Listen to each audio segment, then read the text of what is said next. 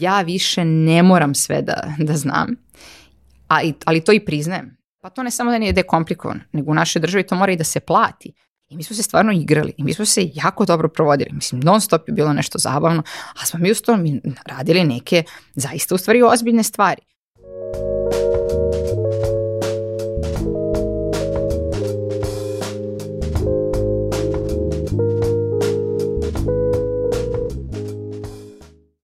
Zdravo, dobrodošli u Fusnota podcast. Ja sam Aleksandra Petrovski i ceo svoj profesionalni život bavim se postavljanjem pitanja. A poslednje tri godine najintenzivnije postavljam pitanja o multipotencijalizmu. I tako je nastao ovaj podcast.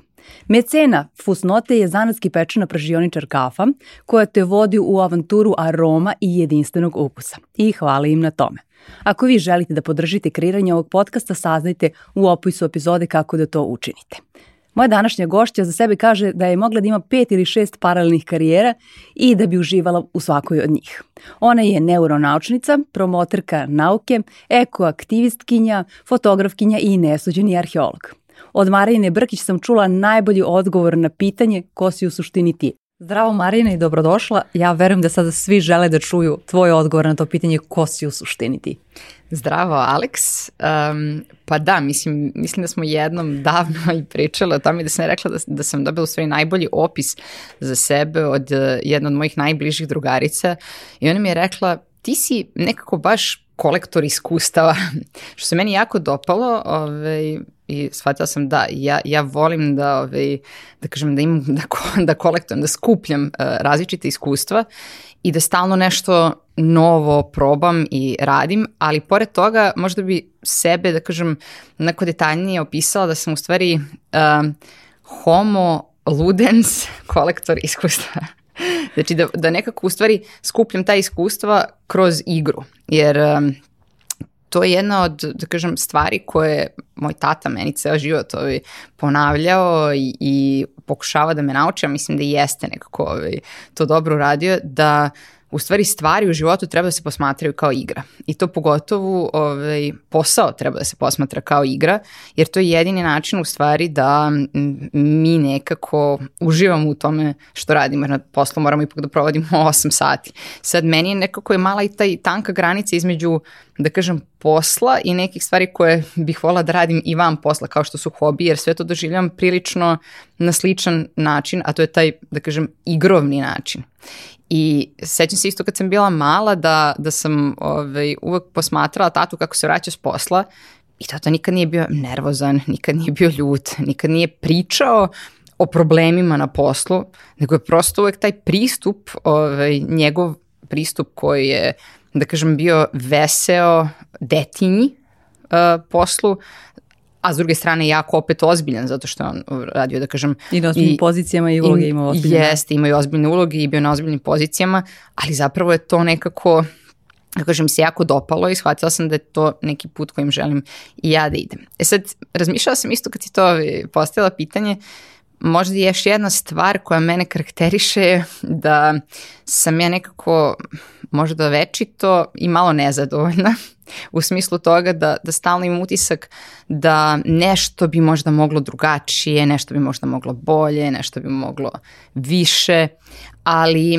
ne na, ne na jedan perfekcionistički način, znači ne mora sve da bude savršeno, nego mi se samo čini da... Sebi postavljaš višu lestvicu uvek, kao dohvatiš do jednog, ali to je već sledeći korak, da? Da, ali da bi baš volala da vidim, hm, a šta bi bilo kada bismo sada još sad, ne znam, nija ovo dodali na ovo ili probali ovo da, da primenimo iz nekog drugog polja u ovom tom polju, što nekako ovaj, se, da kažem, često i kod ljudi sreće kao ja, tebi stalno nešto fali, ti bi stalno nešto da izmišljaš, ali s druge strane, mislim, meni je to onda nekako, da kažem, taj, taj ceo paket uh, igranja, malo ovaj, nezadovoljstva u smislu da želim nešto ovaj, drugačije, taj ceo paket uh, mi nekako na kraju za mene je značajan igra i stalno me vuče negde dalje i negde napred, ali isto da se ne shvati pogrešno, ja na primjer volim užasno da imam e, jednu stabilnu bazu i stabilnu bazu u smislu uh, od toga da i kad odem u neki restoran, naravno da volim da no, probam, probam nova jela, ali jako znam koja su moja omiljena jela i kojima uvek uživam. I to, na primjer, često onda napravim tako da uzmem jednu siguricu. moju omiljenu i nešto novo. Ali isto tako, u stvari, najveću bazu um, da kažem, stabilnosti kod mene nose neki ljudi oko mene, u stvari, moji prijatelji, i uh, um, moj, da kažem, najbliži, ovaj, kako s jedne strane muž, roditelji, uh, šira familija, ali da je, to mi jako važno zato što nekako taj ceo u stvari uh, ceo, cela mreža podrške uh, ljudi koje postoji i na koje ja u stvari samo imam utisak dalje nadodajem da na tu mrežu neke pažljivo ove, izabrane ljude koji sada postaju, ove, da kažem, deo, deo te moje uh, sigurnosti baze. Mislim da mi je to najvažnija stvar zato što shvatila sam da ja zapravo sve što radim i privatno i poslovno volim da radim u timu. I da u stvari ja m, mm, možda i nisam toliko individualac koliko sam timski igrač. Zato što svako od nas opet ima neke svoje specifične uloge, uh, specifične veštine, uh, stvari koje stvarno dobro ovaj, radi u datom kontekstu i mislim da je to u stvari neki ključ da nekako sve, za sve nađem odgovarajuće ljude koji žele sa mnom da rade neke stvari. Što nije karakteristično za, za jedinice, tako da ove, ovaj, zna, da, znam. Da. da. Reci mi, eh, ti sad radiš u Centru za promociju nauke eh, i pričat ćemo u daljem kontekstu ovaj, zašto, zato sam ga sad već na početku spomenula, ali e, interesantan i put koji, koji si ti prošli, došla e, dotle. E, pričala si mi da si kao mala i htjela da budeš arheolog i fotograf, e, ali si na kraju završila na nečem, na fakultetu koji je potpuno drugačiji e, od toga. E, kako je došlo a, e, do, do, do svega toga, do tvog izbora ovaj, fakulteta i daljeg, daljeg da. puta. Da. Pa mislim, moje nekako da kažem, ova priča možda počinješ u srednjoj školi i kad god pričam s ljudima, svi, uh, svi, ne svi, ali dosta ljudi uh, često izražava stav, ja, samo da smo završili, samo sam završio sa tom srednjom školom i osnovnom školom, bilo mi je užasno. A meni je bilo zapravo m, mm, najzabavnije u srednjoj školi, zato što je bio taj jedan spektar, da kažem, predmeta i sad sa svakim tim predmetom su se moje različite interesovanja razvijala na određene načine. Imala sam sreću da sam išla u prvu Beogradsku gimnaziju koja je imala jako puno i tih, da kažem, s jedne strane van nastavnih aktivnosti, dosta je um, podržavala svoje učenike da se uključe ovakve stvari, da izraze svoje interesovanja, tako da smo mi već u srednjoj školi, na primer, um, učestvovali u dramskoj sekciji, pravili svoje um, um, predstave bili smo jako uspešni čak u tome, nisu to bila samo lokalne predstave, nego smo se sa tim predstavama i takmičili um, među drugim srednjim školama. Um, učestvovali smo čak i u ateljeu, to jest prikazivali smo našu predstavu čak i u ateljeu 212, sve sa njihovim kostima, što je meni tada bilo stvarno potpuno fantastično. Onda smo imali hor, kojom se isto obožavala da idem na hor. Imali smo ovaj divnu um, sekciju iz hemije gde smo radili različite eksperimente. Imali smo sekciju čak iz Nemačkog na kome smo ovaj, zajedno sa, sa preko Geti instituta imali jednu saradnju gde smo dolazili uh, Nemci našeg uzrasta iz Nemačke. Mi smo išli kod njih u Berlin, išli smo u njihovu školu, bili tamo uh, dve nedelje, videli kako oni u stvari, uh, da kažem, E, rade normalno, kako idu u školu, kako žive, kako izgleda tamo nastava. I meni je stvarno sve to bilo jako fantastično, zato što paralelno sam mogla da radim mnogo stvari i da stvarno razmišljam o njim. I onda kad je došlo do, do momenta stvarno upisivanja na fakultet, zaista sam bila izgubljena, zato što naš, naš sistem, u stvari univerzitet u Beogradu, uopšte e, ne dozvoljava, da kažem, jednu širinu na način da, da nam je omogućen izbor predmeta, da možemo zaista da neki svoj uh, profil napravimo sami, već su nam profili napred određeni. I ja ne znam, mislim, kako neko ko ima više interesovanja, kako zaista to može tek tako da pomiri. I moj, a samo da moram da uvedem u priču i taj moment da je zapravo bila 99. godina, što je dosta drugačiji za bio, bilo kada vreme. Nisi imala prijemni. 99. je bila kad je bio pri, da, ovo za, za srednju školu, to sam kažem 2003. kad je bio prijemni za fakultet, u smislu toga da, da uh, nismo imali baš eh, web 2.0, Infostud jeste postojao, ali u nekom vrlo bazičnom začetku, nivou, da? bazičnom, a danas mislim da je Infostud stvarno fantastična stvar koja, koja ima odgovore na mnoga, mnoga pitanja i um, ne samo Infostud, nego postoji čitav internet kao takav danas koji, koji zaista može da nam da odgovore kako izgleda neko zanimanje. A mi tada nismo baš mogli da, da saznamo uopšte kako izgleda zanimanje i či, šta zapravo radi, ne znam, molekularni biolog. Ja sam mogla više da onako maštam i, i ove, ovaj, zamišljam to kako će to izgledati ili za, zamišljam karijeru arheologa sa nekih filmova ili sa televizije. Ali s druge strane, um, ja sam shvatila da je možda najbolje da odem na karijerno savjetovanje, jer kao to su neki sad stručnjaci, sigurno oni znaju ove, da mi pomognu kako ja sad odaberem ove, zanimanje među pregršti, pregršti za stvari koje mene interesuju. I otišla sam na karijerno savjetovanje koje u tom trenutku uh, izgledalo vrlo bizarno po meni, ako, ako moram da iskoristim tu reč. Uh, mene zapravo u stvari neko ispitivao za moje nedostatke, znači da li ja dobro vidim, uh, da li um, imam neki... Hteli su da te otpišu da budeš stewardesa, to je okej. Okay. da, da, htjeli su da me otpišu prike da budem stewardesa, da li imam neki 3D mogućnost viđenja koje kao mogu da me otpišu prema tom da, da sam mogao da budem arhitekta ili ne, da li mogu da radim neki fizički rad, znači ispitivali su me i na kraju su mi rekli, e pa sad ovi vaši rezultati pokazuju da vi zapravo možete raditi sve. Hvala, to hvala, sam znala. hvala puno, ali šta sad da radim? I na kraju sam ovaj, stvarno sedela ovaj, do, duboko ovaj, razmišljala i s neke strane neke praktične stvari, negde uh, sreća, negde malo bacanje nočića, redom su ovaj, otpisivali neke karijere, nek, za neke karijere čak moji roditelji, kao što je karijera fotografa, nisu smatrali da je nešto što je sad treba ovaj, da, da kažem da bude za mene i onda nekako s, mene su sve, sve te mogućnosti u tom trenutku bile uh, potpuno jednake paralelne realnosti koje kako god da bi se razvile, to bi bilo Okay. Znači prosto nisam imala sad nešto što to jedno bih morala da, da budem i da radim, nego mi je sve delovalo podjednako zanimljivo i bar u tom ove, idealnom ovaj, I kako ti u tom trenutku imaš 19 godina, kako se nosiš sa tim? Pa ja sam mislila Jer ima da... jedna važna odluka, svi mi mislimo kada upišemo neki fakultet, pogotovo fakulteta na srednju školu, ovaj, to je to.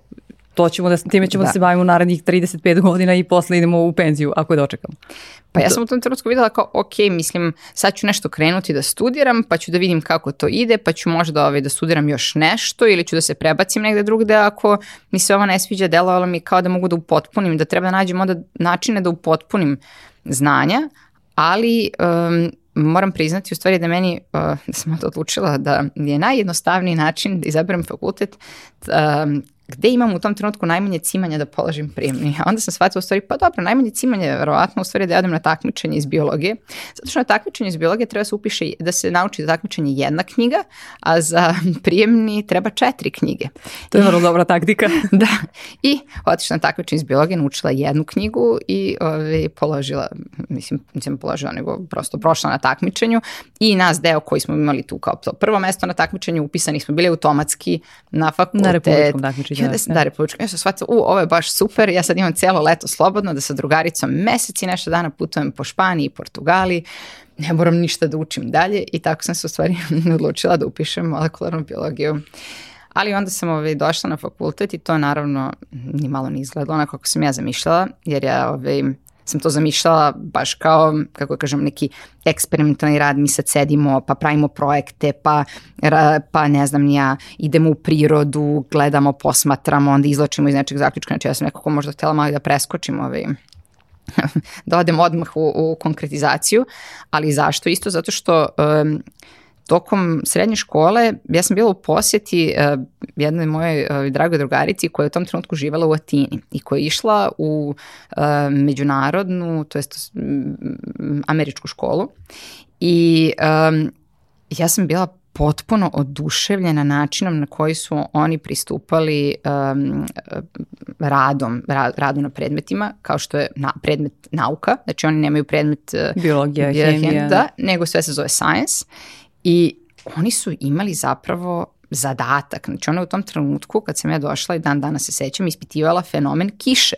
Ali to je bilo toliko sveobuhvatno, znači ona je dobila fenomen kiše i trebala da ga istraži iz aspekta hemije, kako se, fizike, kako se stvara, stvara kiša, šta ta kiša znači za živi svet, kako kruži voda u prirodi, šta ona znači, ne znam, ja za ratara, za koje biljke, ne znam, mogu da žive bez kiše ili kojima treba mnogo kiše. Znači, to je toliko bio jedan obiman rad da je ona, kad sam ja došla kod nje, ona mi rekla, izvini, ali ja stvarno ne mogu sad da se družim, igram stojim, ovo ovaj je jedan ozbiljan zadatak, to je ovaj, to je zovu projekt, projektna mm -hmm. nastava ja moram da radim na mom projektu koji je kao oslikava uh, nju jer ne postoji sad nešto što ona treba tu da napiše ili da nauči, nego ona mora stvarno da sedne i da dobro razmisli kako će taj fenomen da, da, da razradi ja sam se toliko oduševila ovaj, tim pristupom nastavi i stvarno sam očekivala da kad odem na fakultet tako će da izgleda jedan pristup ovaj, da kažem, nastavi, jer kao ajde dobro, srednja škola je srednja škola, sad ovaj, ovde možemo tako integralno da pristupimo, da bi u stvari bila vrlo razočarana, nisam shvatila da svaki predmet je odvojen za sebe, maltene uopšte profesori nekako ne sarađuju, ne komuniciraju šta se uči na jednom drugom predmetu, I imamo neke obavezne vežbe, te vežbe, su šablonske, znači precrtavamo neko lišće, nešto ovi, obeležavamo.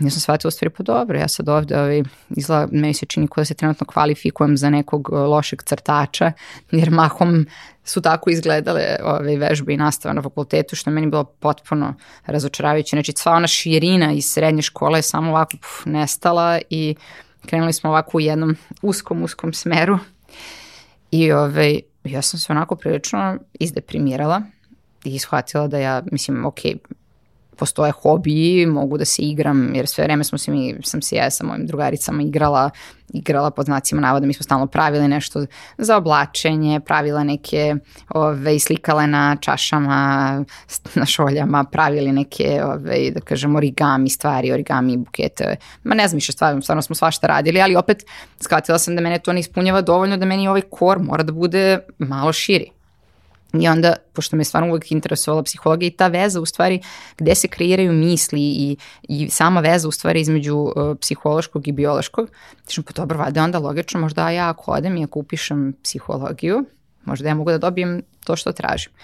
I ovaj, onda sam otišla tamo ovo, na filozofski fakultet i prišla ovaj, nekom čovjeku koji je bio prodekan za nastavu i kažem dobar dan, mi, ja bi da upišem ove studije psihologije paralelno sa studijama molekularne biologije jao, pa nemojte, pa to je komplikovano, pa sad kako ćete sad ove, da studirate dva fakulteta, pa to ne samo da nije da komplikovano, nego u našoj državi to mora i da se plati, zato što ove, jedan fakultet možete da dobijete besplatno na budžet, ali drugi morate na samo finansiranje. Iako si ti bila na ovom, da kažemo, prvom fakultetu izvrstan student i na kraju ti je prosek bio 9-8. Da, svejedno... Morala si da drugi... Morala sam drugi da platim, znači to, to je kao pravilo. Pa kažem, pa dobro, šta da radimo? Pa ništa, evo vidite sad, sad je krenuo ovaj proces, u tom trenutku je stvarno krenuo, tek bio proces Bolonje. Evo, krenuo je proces Bolonje, pa što vam sad znači Vi završite četiri godine na vašem fakultetu osnovnih studija, dođete kod nas, završite master, možete dalje da se prebacite kod nas, to su oni sad smislili u stvari da bi, se, da bi ljudi ovaj, mešali malo grane mhm. svojih uh, interesovanja, menjali, da kažem, nekad dodavali nove iskustva na svoje osnovna zanimanja. Ja kažem, super. Ove, ovaj, ali onda shvatim u stvari da kada, kada sam sledeći put, kažem, pitala da li može stvarno da se ovaj sad, sad to upiše, da se upiše ovaj, um, fakultet, da zapravo i kad bi došla tu na master ne bih mogla da opet m, mm, budem psiholog, nego bi, tako, mogla bi samo da budem, da završim tu master, ali to znači da opet nikad ne bi mogla da se bavim psihoterapijom, na primjer, ako bih htela. I onda su mi oni rekli, pa dobro, ali ako hoćete uopšte da upišete master kod nas, to je sad kao ipak novo pravilo, Bolonja nije ista za sve. Um, na, na filozofskom fakultetu bilo Bolonja kaže da morate završite 18 ispita prvo razlike, ali nećete dobiti diplomu psihologa, nego samo 18 ispita razlike da vi uopšte možete da upišete master ok, dobro, mislim da li se meni isplati da, da položim 18 ispita razlike, pa dobro, ali to nije mnogo, to vam je samo još 3 godine da položite 18 ispita razlike. I sad u tom cijelom razmišljanju ovaj, sorry, prethodio jedan korak da sam ja shvatila da je možda mnogo jednostavnije osim da, da ovaj, sad čekam sve to, da, da upišem na jednom privatnom fakultetu ovaj, um, studije psihologije koji su u tom trenutku davali određene stipendije I onda kroz ovaj stipendiju sam upisala tu višu školu, neku primenjene psihologije koje, koju sam krenula paralelno i stvarno tih godinu dana koje sam išla tamo na predavanja, predavanja su bila jako inspirativna i jako mi je bilo nekako um, zanimljivo kako se u stvari sad kod mene u glavi povezuju znanja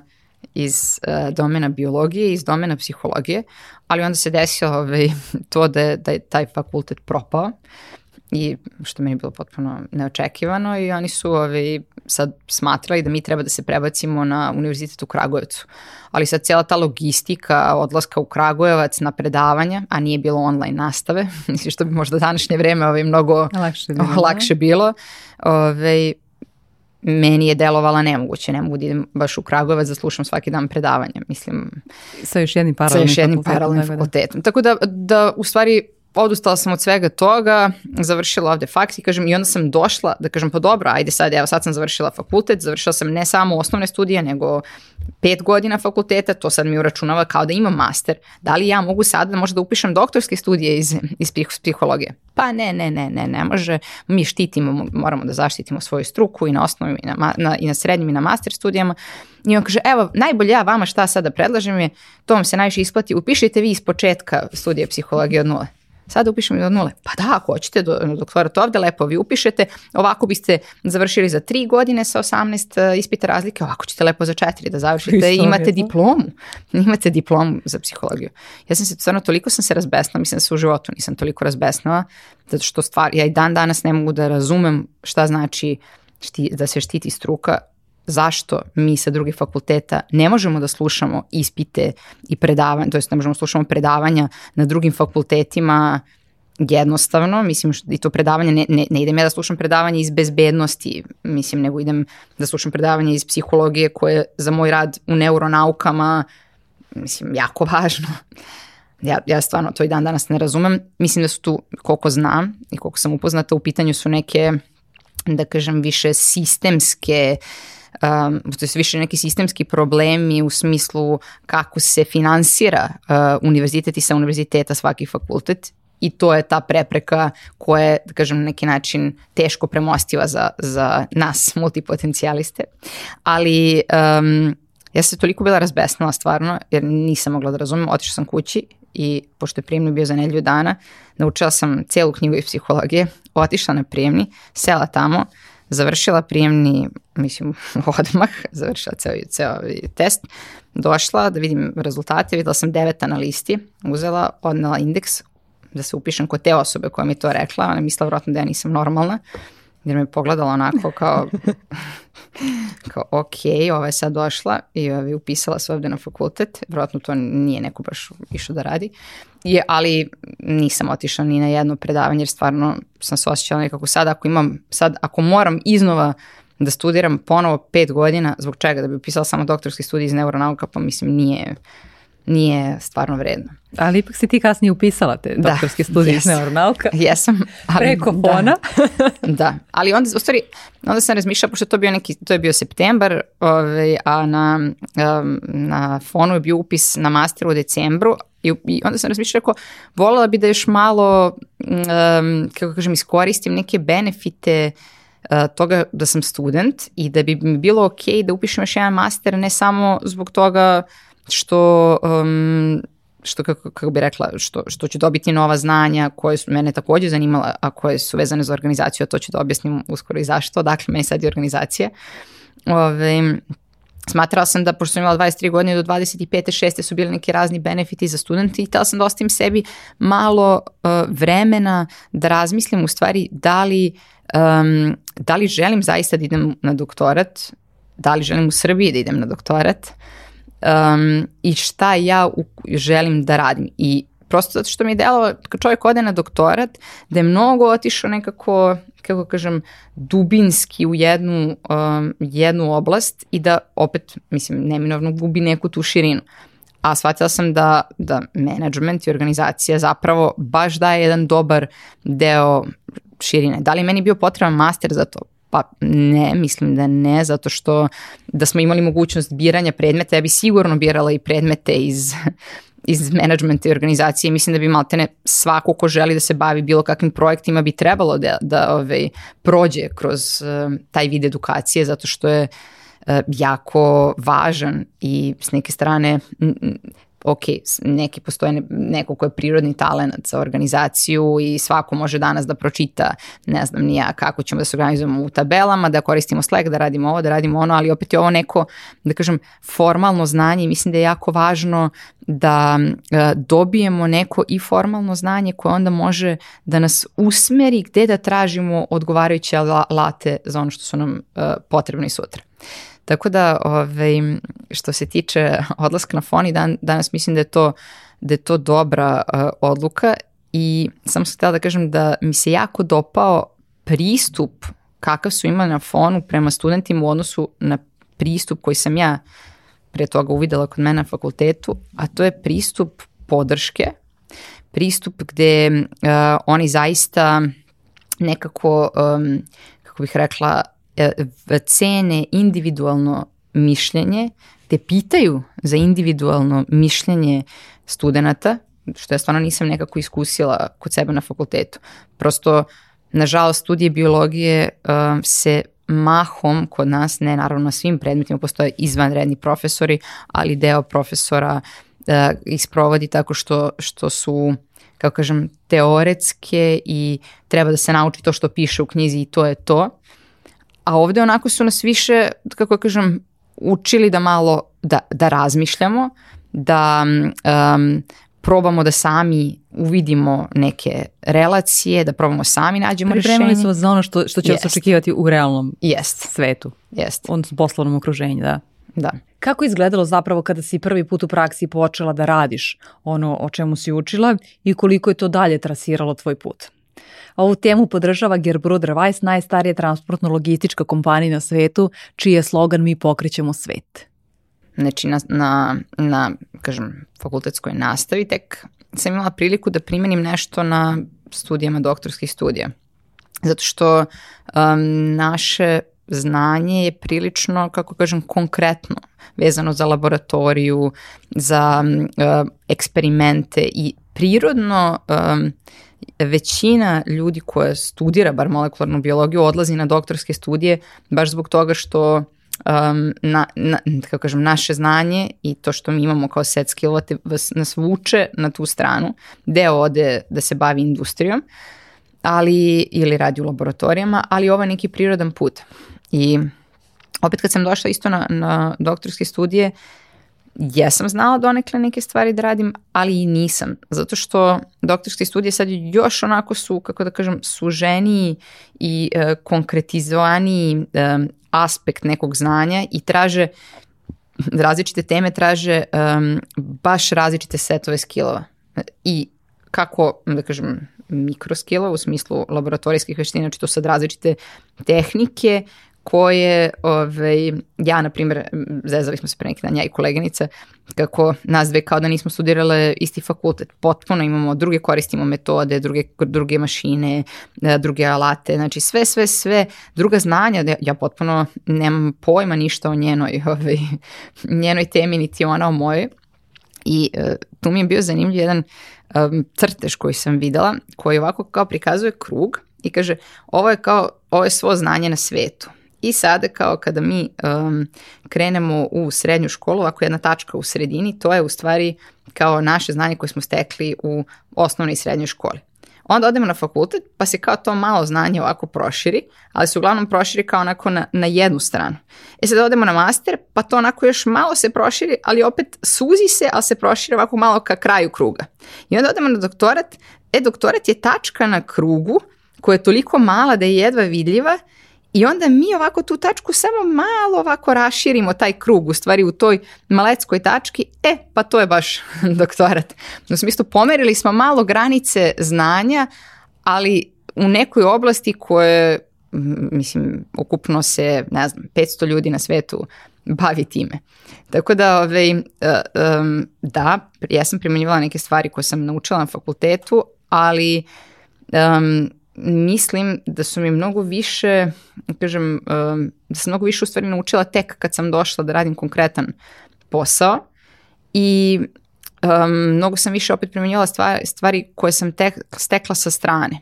U stvari, dok sam studirala, kroz neke druge angažmane u koje sam bila uključena. Jer prosto nekako, kako da kažem, shvatila sam da opet taj spoj mogu i jedno i drugo donosi neke određene benefite. A ti si završila e, dok si studirala, ako sam ja mhm. dobro mm -hmm. zapamtila, takođe i Beogradsku otvorenu školu koja te je opet nekako dodatno mm -hmm. uh, usmerila ka razmišljanju o projektima, ka vođenju projekata, što, što danas radiš. Pa da, e, imala sam u stvari tu sreću da um, kako sam se družila sad sa drugarima koji su ta, u to vreme studirali istoriju i sociologiju, oni su nekako, mislim mi na, na molekularnoj biologiji uopšte nismo nikad ni čuli bili za Beogradsku otvorenu školu, ali su me oni nekako potakli i da bi bilo stvarno super da probam da upišem Beogradsku otvorenu školu, jer, jer u tom trenutku ona je stvarno e, nudila neka posebna i drugačija znanja koja nismo mogli tek tako da steknemo, jer nije bilo, opet da kažem, nije bilo kursere, nije bilo ove, kurseva ni online ni, ni uživo koji su uh, razvijali neki određeni set skillova i to posebno besplatno, što je, mislim, za, studente da. jako važno. I mi smo dobili mogućnost u Beogradskoj otvorenoj školi, pored tog, da kažem, osnovnog eh, programa koji se ticao s jedne strane um, Evropske unije, zakonodavstva, ehm, razmišljanje uopšte o, da kažem, tim evropskim vrednostima, dobili smo mogućnost da prođemo kroz jedan set um, da kažem opet, e, veštine i kursevi da, sa, sa nekim jako kvalitetnim ljudima. Na primjer, um, imali smo radionice javnog nastupa, imali smo uh, obuku za uh, vođenje projekata, imali smo obuku za vođenje fokus grupa, uh, imali smo obuku za pravljanje anketa i za anketiranje ove, i onda dalje za, za razradu i da kažem um, izvlačenje nekih određenih i obradu rezultata u stvari celog tog projekta.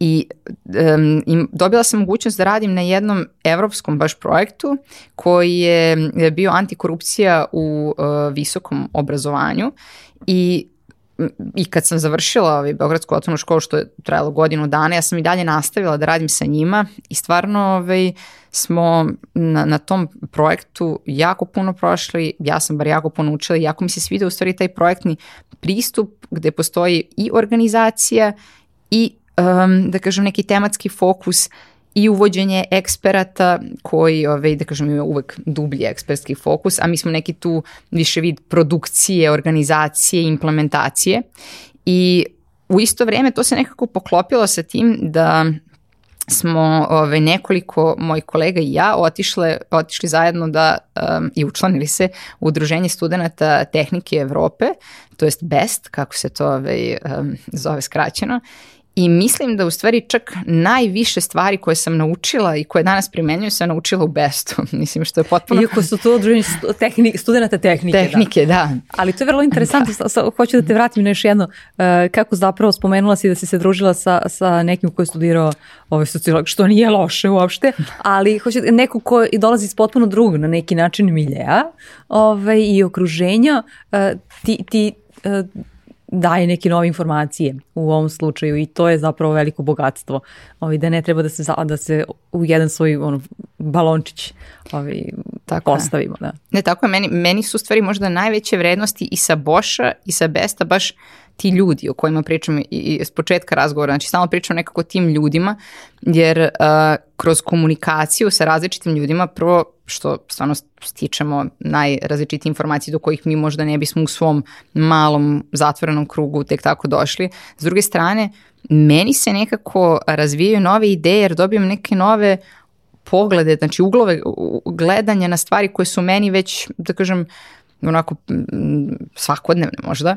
I, ove, I onda sam primetila da mi to jako u stvari prija kad sam u jednom okruženju koje je potpuno diverzifikovano, koje je potpuno različito i gde se nalaze sada ljudi različitog profila, jer na primjer na Bošu E, bilo je dosta i pravnika i politikologa, e, stomatologa, farmaceuta, psihologa, filozofa, či znači, stvarno i svako od nas je drugačije posmatrao te teme, mislim do toga da na primjer nekada se desilo da stvarno mi ove, koji smo sa, sa prirodnih e, i tehničkih nauka uopšte nismo znali ni naslo teme, pa smo se međusobno gledali o čemu uopšte ova tema predavanja, pojma nam šta je ovo, mislim, znači išlo je dotle, a nekad išlo i do toga da su naša, mislim da kažem, naše oblasti bile u fokusu. Tako da svi smo učili jedni od drugih, ali sam htjela da se vratim na, na best baš zato što je meni, baš mi uvijek delovao onako ozbiljno. Mislim, jeste bio jedna, kažem, institucija, ozbiljna škola, a meni je stalno delovao best kao da se mi stalno nešto igramo. Mislim, u, u kontekstu ovaj Homo Ludensa i mi smo se stvarno igrali i mi smo se jako dobro provodili. Mislim, non stop je bilo nešto zabavno, a smo mi uz to mi radili neke zaista u stvari ozbiljne stvari. Sad kad pogledam, mislim, ne da su to ozbiljne stvari, nego tipa job fair koji je da kažem, najveći bio sajam poslova, mislim, ne znam sad i dalje, dalje i danas, mislim, znam da postoji, ali tad je bio najveći sajam poslova i studentskih praksi. Uh, zatim smo organizovali kurseve ovde uh, za strance gde smo dovodili po 20 stranaca, organizovali im smeštaj, provod, predavanja, ugovarali to sve sa profesorima. Uh, onda ne samo to, nego smo mi bili zaduženi i da uh, zovemo kompanije, da, da radimo u stvari fundraising, da skupimo pare za svoje kurseve.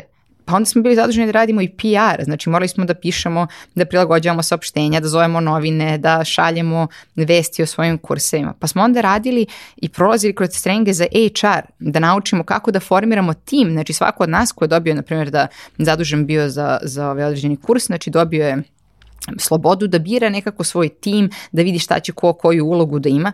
I u stvari kad pogledam, mi se jesmo igrali, ali u stvari radili smo sve što ja danas radim na poslu. Znači, formiramo tim, vidimo koja je tema, produkcija, šta treba da nabavi se, ko treba šta da, da organizuje, da li je to smeštaj, da li je to ove, ovaj, sve redom, da li je to smeštaj, hrana, predavači, sve, sve, sve, do toga da ove, ovaj, sami smo sposobni da da nađemo i sredstva za to. Ja stvarno kad pogledam danas, ja sve to koristim u svom poslu. Da. A, a interesantno i zato što je Centar za promociju nauke e, pod jedan, a nekako mi je važno da, da to istaknemo kao dobar primer, e, institucija osnovana od strane države, a, a s druge strane i okuplja stručnjake na različitih profila od uh, uh istoričara umetnosti, e, profesora uh, fizike, ako se ne varam, Marko je, je li tako? Ovaj, elektroinženjer. Elektroinženjer, da. tako da. je. Ovaj, onda je Petar, tvoj kolega, ovaj, ja sa biologije, ako se ne, da, ne varam, da, tako? Petar isto elektroinženjer čak, a, na primjer, Ljilja je... Ona je eh, završila germanistiku, ako da, se ne varam, da. da. Ovaj, tako da je prilično šarenolik tim s te strane. S druge strane, a, vi imate projekte iz najrazličitih oblasti aktivnosti e, koje morate jednako dobro. Kako se u tome se snalaziš? Ok, rekla si mi ovo je dosta mm -hmm. operativni deo, ali vi opet nekako na neki način istupate i kao autoriteti u oblasti različitih nauka. Pa, na prvom mestu da, prirodnih da, nauka, da, da, ali da, ali, nauke. Nauke generalno.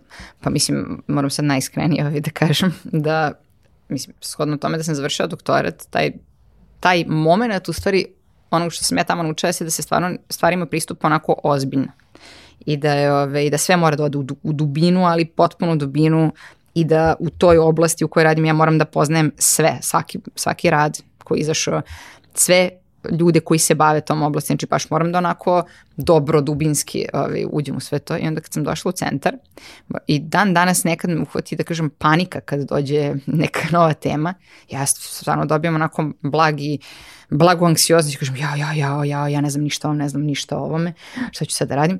I onda krenem tako taj pristup kao sa doktorata, skidam radove, skidam Binđuješ radove, da, bin, da, da, bukvalno skidam različno, onda krenem da vidimo podcaste, da vidimo ko su tu, ko su te organizacije, krećem ovako beležim jedna sveska, druga sveska i onda ovako kažem, dobro, ajmo sad da se vratimo, znači ne mora ovaj, baš... Ne moram da doktoriram da, ne moram da nešto. da doktoriram ovu, ovu temu uopšte, znači važno je da razumemo ovu temu, Važno je da, da znam prvo ko su, kao što kažemo ljudi, ko su ljudi koji se dobro razumeju u ovu temu.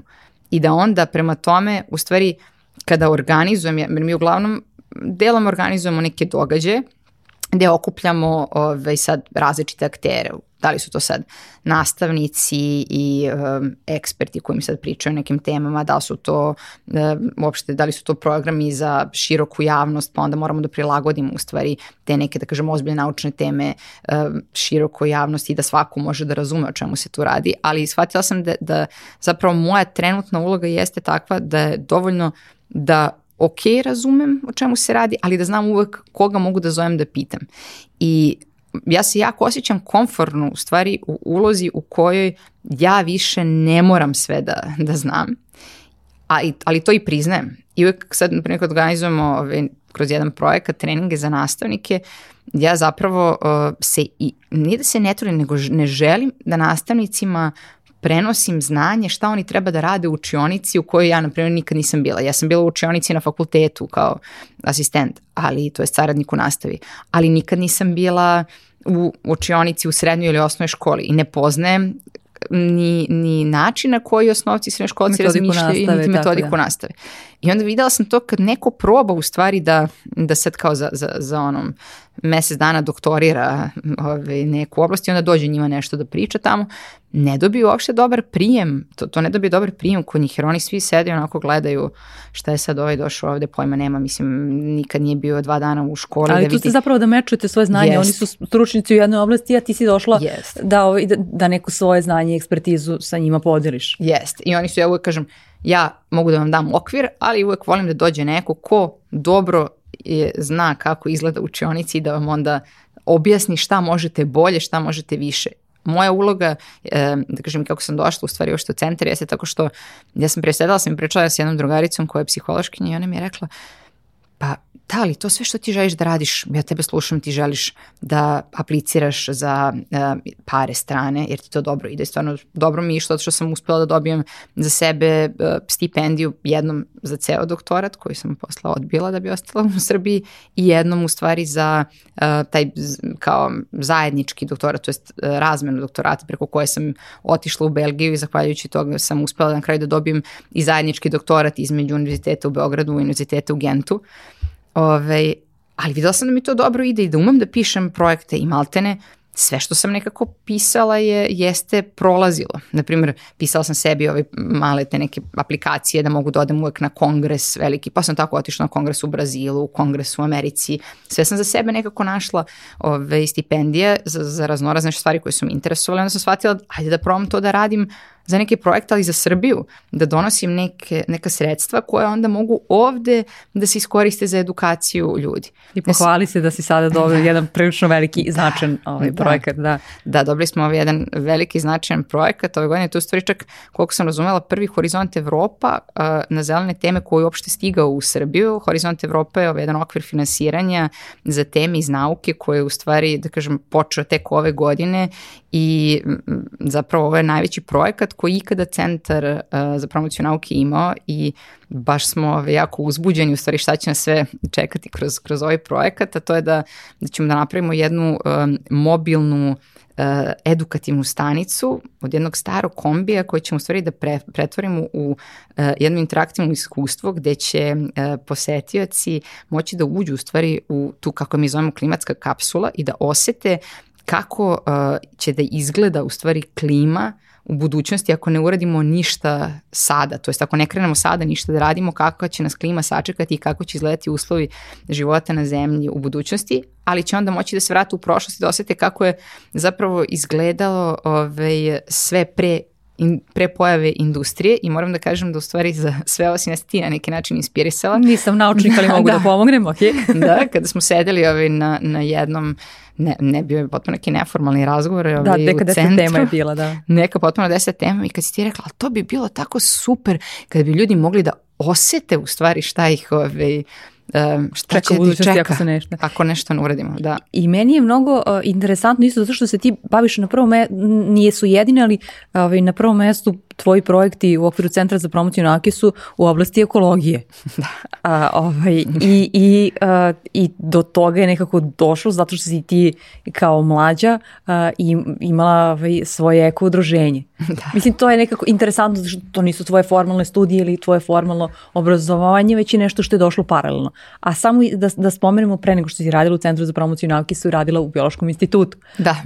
to, to smo nekako onako promakli, ali hajde sada da, da, da, da dođemo na taj taj deo kao ovaj, da je e, tvoj neki paralelni projekat ili život ili kako god eko aktivistkinje ti doneo e, sadašnji posao i sadašnji angažman e, u kome se potpuno pronalaziš. Jeste, nekako Mislim, meni, meni isto od uvek zanimala ta tema, u stvari mislim da me od uvek drmala ekoanksioznost na neki način.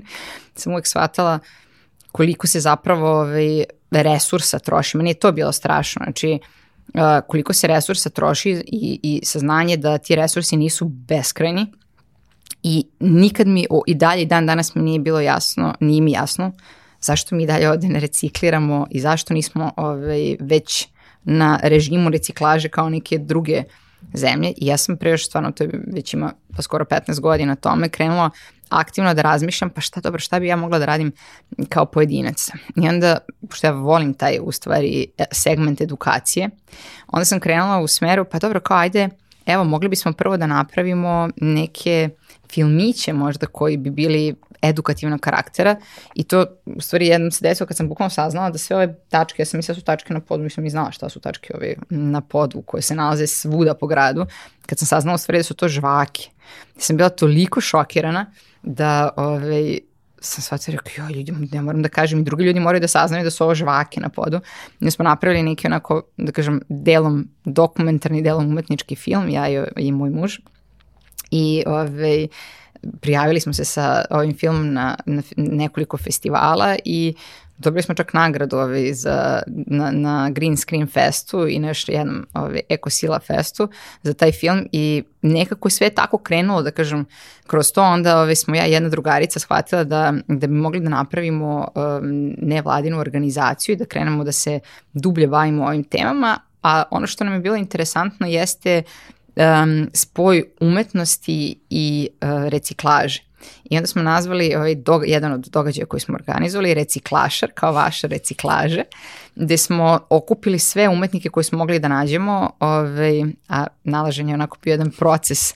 Lupom, da, tek se, ta, tek dobro. se tad pojavio Facebook, pa malo proširio, pa onda smo tako googlali, tražili, pa onda gledali gde možemo da nađemo ovaj, te ljude i da ih pozovemo, bukvalno lupom i našli smo ovi, ovaj, različite umetnike koji se bave um, reciklažnom umetnošću i onda smo pravili za njih u stvari neki vid um, ne samo festivala nego i prodajnih izložba jer smo pokušavali da, ovi, da kažem ih podstaknemo da, da nastave u ovom smeru zato što mislim, umetnost može da bude od bilo kog materijala, možda kad bi veći broj ljudi isto krenuo u tom smeru da, da, ovi, koristi eh, ne samo za, za svoje umetničke radove, nego za različite, ove, ovaj, za različite produkcije stvari koji kod kuće čak reciklažne materijale da bi bar smanjili malo ove, ovaj, nivo otpada.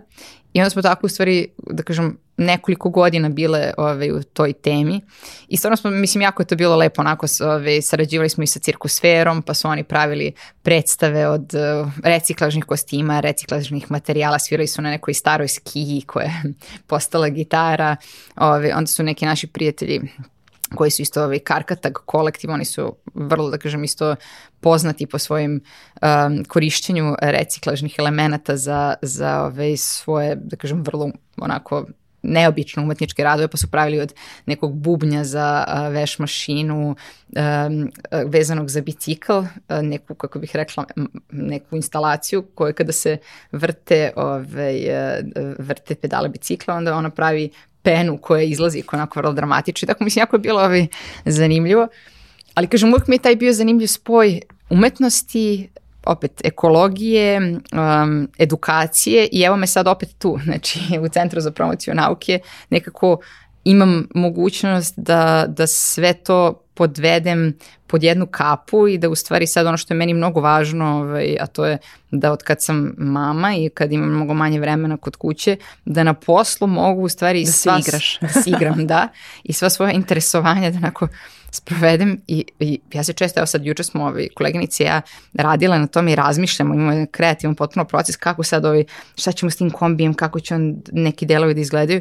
Ja se stvarno nekim trenucima baš primeti kažem, ah, ja sam se skroz naježila, koliko mene, ovi, koliko mi je ovo neverovatno i koliko se osjećam uzbuđeno u stvari što, što radimo. To kaže, ja se potpuno naježam, kaže ja i onda ovako uzmo i onda igramo bukvalno, kao jes, ovo je toliko super, ali stvarno na neki način da vodi me, kad uđem u tako stanje, što kažem, vodi me taj neki flow, bukvalno upadnem u stanje svesti koje, koje onako ide, ide misao za misao, ali opet ne sama, nego sa nekim i onda se tako nadovezujemo, interakcija, interakcija da. kreće i kreiramo stvarno, ja bih rekla, neke mnogo lepe stvari, ali to nam isto omogućava što, da kažem, imamo takav posao koji je unikatan, ja bih rekla, i koji, ovaj, um, koji spaja sve elemente, znači i nauke i edukacije i umetnosti i, i potpuno daje mašti na volju. A kako ti, uh, ovaj, kako, kako je taj moment kada znaš da kažeš kao e, stop, stop u smislu razmaštavaš ideje, ovo bi moglo ovako, ovo bi moglo ovako i to odi na potpuno različite strane, ali ipak u nekom trenutku trebamo da kažemo kao aha, dobro,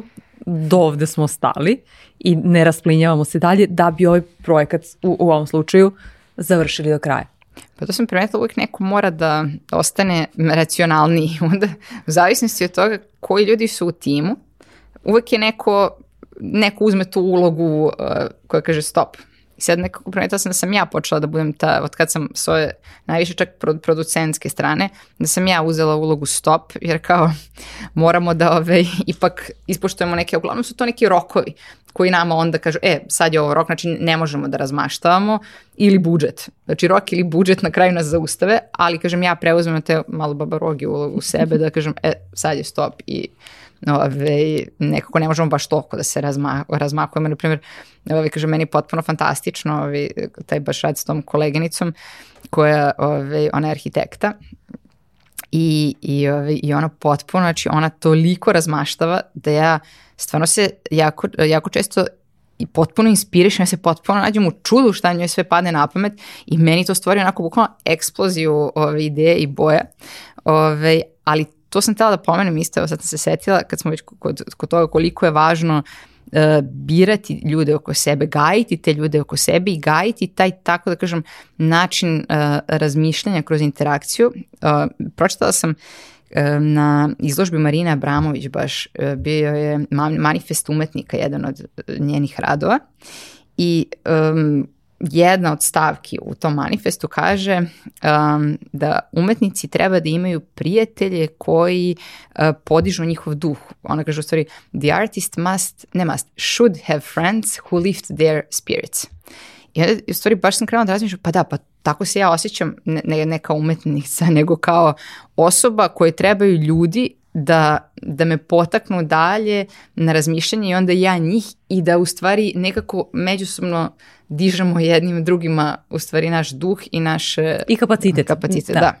E, hoću da ti postavim uh, jedno isto pitanje koje je u trenutku sadašnjem vrlo aktualno, a to je E, poslednje dve godine nismo baš mnogo u interakciji sa ljudima, malo manje, a to je tebi vrlo značajan deo u tom stvaralačkom procesu. Šta je nekako tvoja bila najveća lekcija a, u, u, ovom, od početka pandemije? Uh, da, pa za mene, za mene ove, ovaj, pandemija imala nekoliko značenja. Prvo, ove, ovaj, bukvalno sam pred početak vanrednog stanja otišla na porodijsko bolovanje, kao i ti. da, i onda sam bila potpuno u čudu prvo šta me zadesilo, ovaj, nekako nisam razumela ovaj, trenutno, u tom trenutku koje će biti razmere svega ovoga, ali e, kada sam odlazila na prvo porodijsko, što je bilo pre pet, sad već šest u stvari godina, e, mene je zaista drmo jedan FOMO.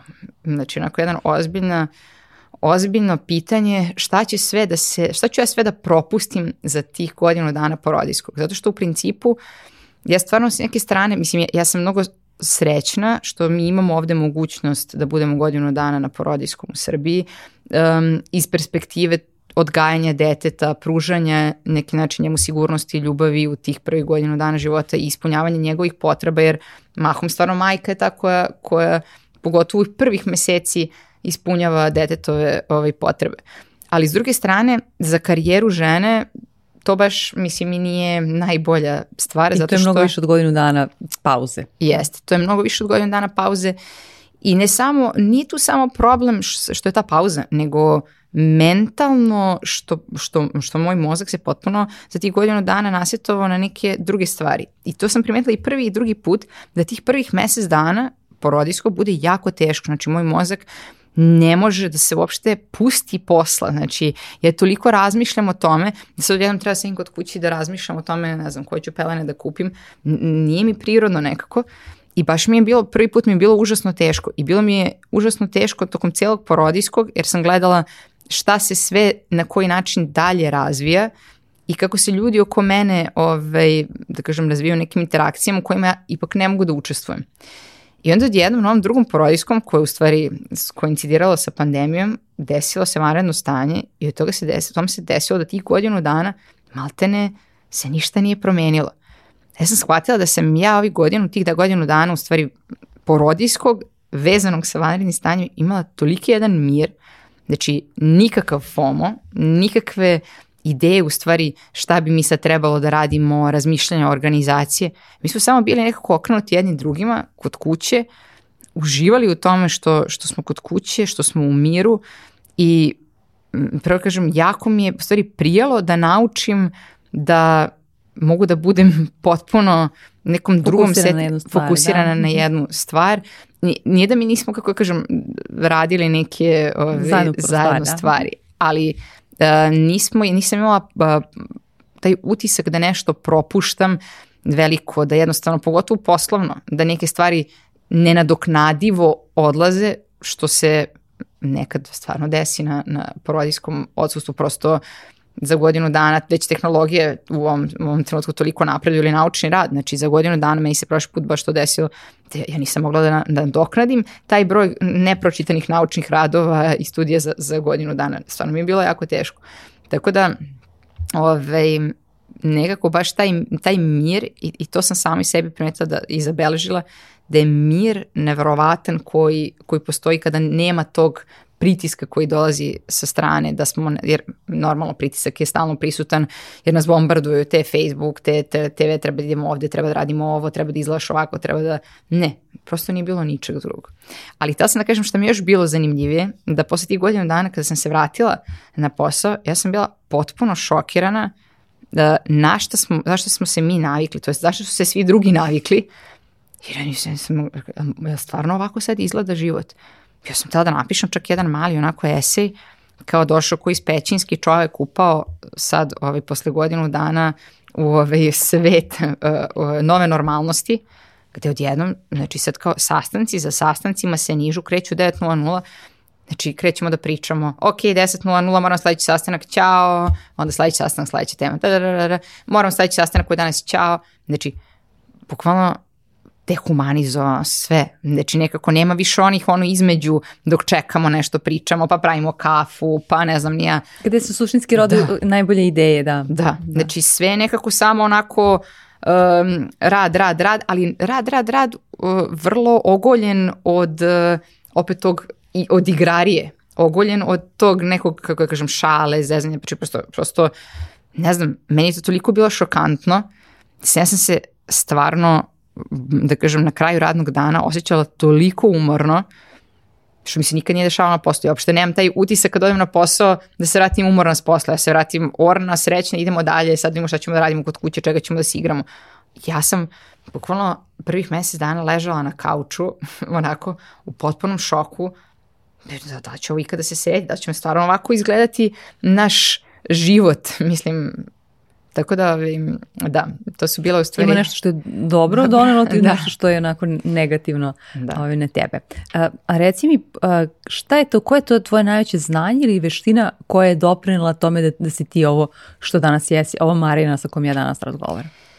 Pa možda u stvari, daš sam dosta razmišljala da li to, da li to možda bude u stvari jedna veština, ali sam shvatila da zapravo uh, moja najveća veština... Pisanje motivacijnih pisama. ne, ne, ne, da, ne, nego uh, E, mogućnost da kreiram dobar tim, tim. Da umem da izaberem uh, ljude koji mogu da rade zajedno i da im dodelim uloge i da kreiram tim koji se dobro osjeća i da ga negujem. I shvatila sam da u stvari šta god da sam radila i u principu kada god sad tako, znači ljudi generalno sad i po kompanijama velikim rade u timovima. Znači gde god je bilo um, neophodno se kreira tim, moji timovi su bili jako uspešni. I ne samo da su bili uspešni, nego su svi bili zadovoljni um, radom i onda smo nekako, kako da kažem, jer smo bili skladni i to sebi prepisujem zato što zaista mislim da umem da odaberem ljude koji su kompatibilni i kompatibilni i koji će svojim specifičnim veštinama stvarno dodati, imati neku dodatnu doneti vrednost na ono što svi zajedno radimo i nećemo osjećati nikakvo ono to umor, teskobu, uh, da nam je teško da radimo zajedno, nego ćemo stvarno da nekako procvetamo i da, ovaj, da se družimo i da kroz to druženje u stvari napravimo nešto fantastično. A to je opet zato što poznaješ uh, i stvarno iz najrazličitijih sfera. Ja mislim da ti poznaješ pola Beograda, ali iz, ne kao iz jedne kao stručne oblasti, nego iz najrazličitijih uh, oblasti i onda ih tu povezuješ. Zajedno, pa da. da. Ali imaš, imaš zapravo nju ko je kadar da, da može da funkcioniše u timu koji je raznolik. Pa da, mislim to malo igra ulogu i taj, e, da kažem, Što si psiholog... tata psiholog, dobro. da, ali to što razumem, što stvarno se trudim nekako da razumem psihologiju um, ličnosti, znači ko je tu ispred mene, šta njemu treba, da razumem neke, da kažem, teže stvari, možda neke, neke ove, ovaj, probleme koji, koje on nosi sa sobom ili ona i, ko, ove, ovaj, i kako ti problemi mogu da utiču na rad i da nekako umem da to ove, ovaj, kako se to već kaže stručno hendlam ove, u, u datom okruženju kako bi sve ove, da kažem bilo na mestu, svi srećni i zadovoljni.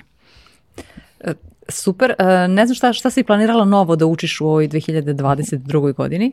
Mm, Uh, svašta. Um, planirala sam definitivno da možda čak kupim klavir, ali više Koji zato što... Koji će čarna da svira, da, dobro. više zato što ovaj, shvatila sam da, da meni nekako, mislim, ja, ja sam završ, završila sam, nisam, završila, nisam završila, ali sam završila pet godina muzičke škole i ove, ovaj, prestala sam da, da posle toga sviram klavir, ali mislim da je jako lepo u stvari da, da nekako se ja vratim malo tome, ali da nekako inspirišem onda i svoju decu kroz to ili čak smo razmišljali da uzmemo, da uzmemo zajedno časove, mislim malo ove, ovaj, klavira i da ove, ovaj, nekako probamo da muziku više uvedemo u, kao varijablu u naš dom, što je meni ove, ovaj, da kažem izrazito lepo i drago da sad u ovo vreme, znači ne, moramo, ne moraju deca baš da idu u muzičku školu pet časova nedeljno da bi uopšte mogli da se bave muzikom, jer u naše vreme ja ne znam da li neko ovaj, mogo da uči tek tako, ovaj, kako se to kaže, onako, usputno, osim neku gitaru ili da ga roditelj uči, ali nije bilo te mogućnosti da sad, ne znam, dolazi neko i da jednom nedeljno prosto ili dva put nedeljno imamo čas kod kuće i da razmišljamo, da sami probamo nešto tu osviramo. Da uh, nego imali smo neke striktne formalne načine kako se to ovaj, radilo si kroz sistem. Tako da eto, tome, tome ovaj, sad razmišljam, a trenutno ovaj, ovih dana isto smo uh, krenule na klizanje. Tako da više ovaj, smo na trgu ovaj, tamo mm -hmm. na, da, da probamo da, da klizamo i mnogo ovaj, mi je lepo da sad konačno dolazi neki moment da mogu zajedno sa svojim detetom u stvari da, da ta svoja interesovanja možemo da zajedno ovaj, realizujemo. A šta ćeš ako ona bude ovaj, ista kao ti? E, ja se isto to često pitam, ali dobro, tvoja starija čerka je malo starija pa već vidiš nekakve mhm. obrise. Ovaj, malo, ispričala si malo pre da tvoji roditelji nisu bili saglasni sa time da recimo ti upišeš ovaj, fotografiju, mama ti je lekar, tata je po obrazovanju psiholog pa kao nekako nisu videli tvoju budućnost uh, u tome, kako ćeš se ti onda nositi sa tim? Pa, glavna stvar je, to sam razmišljala, da, da ne treba da se mešam u izbor dece. Znači, ne treba da postoji neko ne, kao čvrsto ne. Znači, mogu da postoje um, neka savjetovanja u smislu, e, ali vidi e, kao ove stvari, ovo je dobro ako uradiš ovo. Znači, ne, ne prikazivanje negativnih strana nekih karijera, nego obrnuto, prikazivanje pozitivnih stvara, stvari nekih, da kažem, karijera koje bi možda se meni činile sa strane da bi njoj dobro ležale. Mislim, mislim da je glavno ovaj, da, da, se, da nekako ne stavim sebe u prvi plan tu, nego nju i da vidim da nju sagledam kao celu i da razumem šta je to što, što zašto ovo dete ima, da kažem, nekih određenih uh, kapaciteta, da li prirodnih, urođenih, da li nekako malo sad stečenih kroz školu, kroz drugare i kroz ove ovaj, izlaganja nekim, ove, ovaj, da kažem, iskustvima, ali mislim da, da, um, da je važno samo nekako ne, ne, ne biti restriktivan i da je to jedino moje pravilo koje ću imati. A e, kad ovako, kad slušamo kao je, ok, ti sad planiraš uh, i da, da počnete svi zajedno da svirate klavir i rekla si i kakvi te projekti očekuju i na čemu sve radiš, uh, Uh, e, ko je bio trenutak kada si se ti zapitala kao zašto je sve ovo meni trebalo, da li meni moraju da, da zanimaju sve ove stvari i ti to na svakodnevnom nivou? Pa, Ili kad uveče dođeš kao da. kad legneš. Pa s, s, zapitam se to često, mislim, pogotovo sam se zapitivala, zapitkivala ranije i onda tako samo me razmišlja, sedim ovako i kao ja, što bi bilo lepo u stvari da mene od uvek zanimala sviram violinu I onda sam svirala samo violinu i svirala lepo, ko što ti kažu, u filharmoniji ili negde i uživala u tome i potpuno bila predana tako jednoj ovaj, stvari. Mislim da bi mi bilo mnogo lakše jer ovako, uh, nije ovako, da kažem, meni problem to što, što imam toliko interesovanja, nego što ovaj sistem slabo podržava ta, tu raznolikost interesovanja. Jer sistem je napravljen, bar ovde naš, kao što sam rekla ranije, da da prosto nas usmeri da jednu stvar radimo 35 godina. I sad mi se čini da je konačno dolazi vreme u stvari u kome je okej, okay, stvarno je u redu da možeš da menjaš karijeru, da uh, postoji taj ceo sistem celoživotnog učenja znači da se propagira uopšte da mi možemo da učimo dok smo živi i da je potpuno u redu da jednog trenutka ako sad odlučim za pet godina da postanem dizajner interijera, da Krenuti a i to produžava naš, naš mozak mladima, to je tvoja oblast, mnogo bolje znaš o tome, da. ali ovaj, vital, životno vitalnim nas čini zapravo. Apsolutno, da kažem, prva stvar koju smo ovaj, učili na doktoratu, ovaj, pošto je moja, moja tema za doktorat je bila Alzheimerova bolest i, ovaj, i onda kao kako sad uh, odgoditi u stvari i usporiti, da kažem, bilo koju demenciju, jer ono što je meni uvek bilo zanimljivo i zašto je mene to privuklo je zato što šta god mi sad uradili, znači ne znam, rešili sve kardiovaskularne probleme, rešili sve probleme sa gastrointestinalnim traktom, sa svim se svime, znači potpuno uh, bili zdravi ne možemo da sprečimo propadanje našeg mozga. Znači, pre ili kasnije doći će do možda ne demencije. I ove, ovaj, jedno od, ne jedno, nego postoji kao par stvari kako to možemo da odgodimo. Jedna je od tih učite, učite stvarno no, stalno nove stvari, pogotovo jezike. Meni je bilo pre zanimljivo isto druga stvar, a to je učite da žonglirate.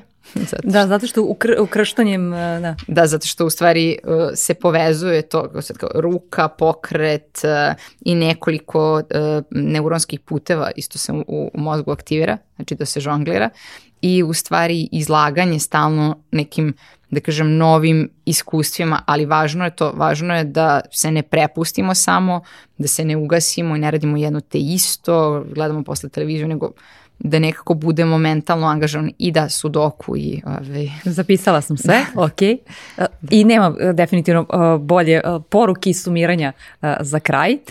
Znam da, da ćeš još nešto novo učiti sada kada, kada dobiješ pristup besplatan godinu dana krojačove, odnosno platformi krojačove škole, tako da javit ćeš mi šta si to novo učila. Hvala, da, ovaj, a, a svi vi koji želite takođe da, da učite nešto novo, imate 20% popusta na bilo bilo koji e, kurs, saznajte e, u opisu e, ove epizode detalje o tome. Marijana, hvala ti još jednom što si bila moja gošća. Bilo mi je super da razgovaram sa tobom kao i uvek, ali da ne bude ja tebi Vojvode Timni Serdaru.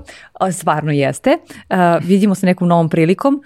Hvala što ste nas slušali, pratili, gledali kako god i ostavite u opisu ovog, ovog ove epizode komentar šta vam je to najviše bilo interesantno. Zdravo! Hvala i zdravo!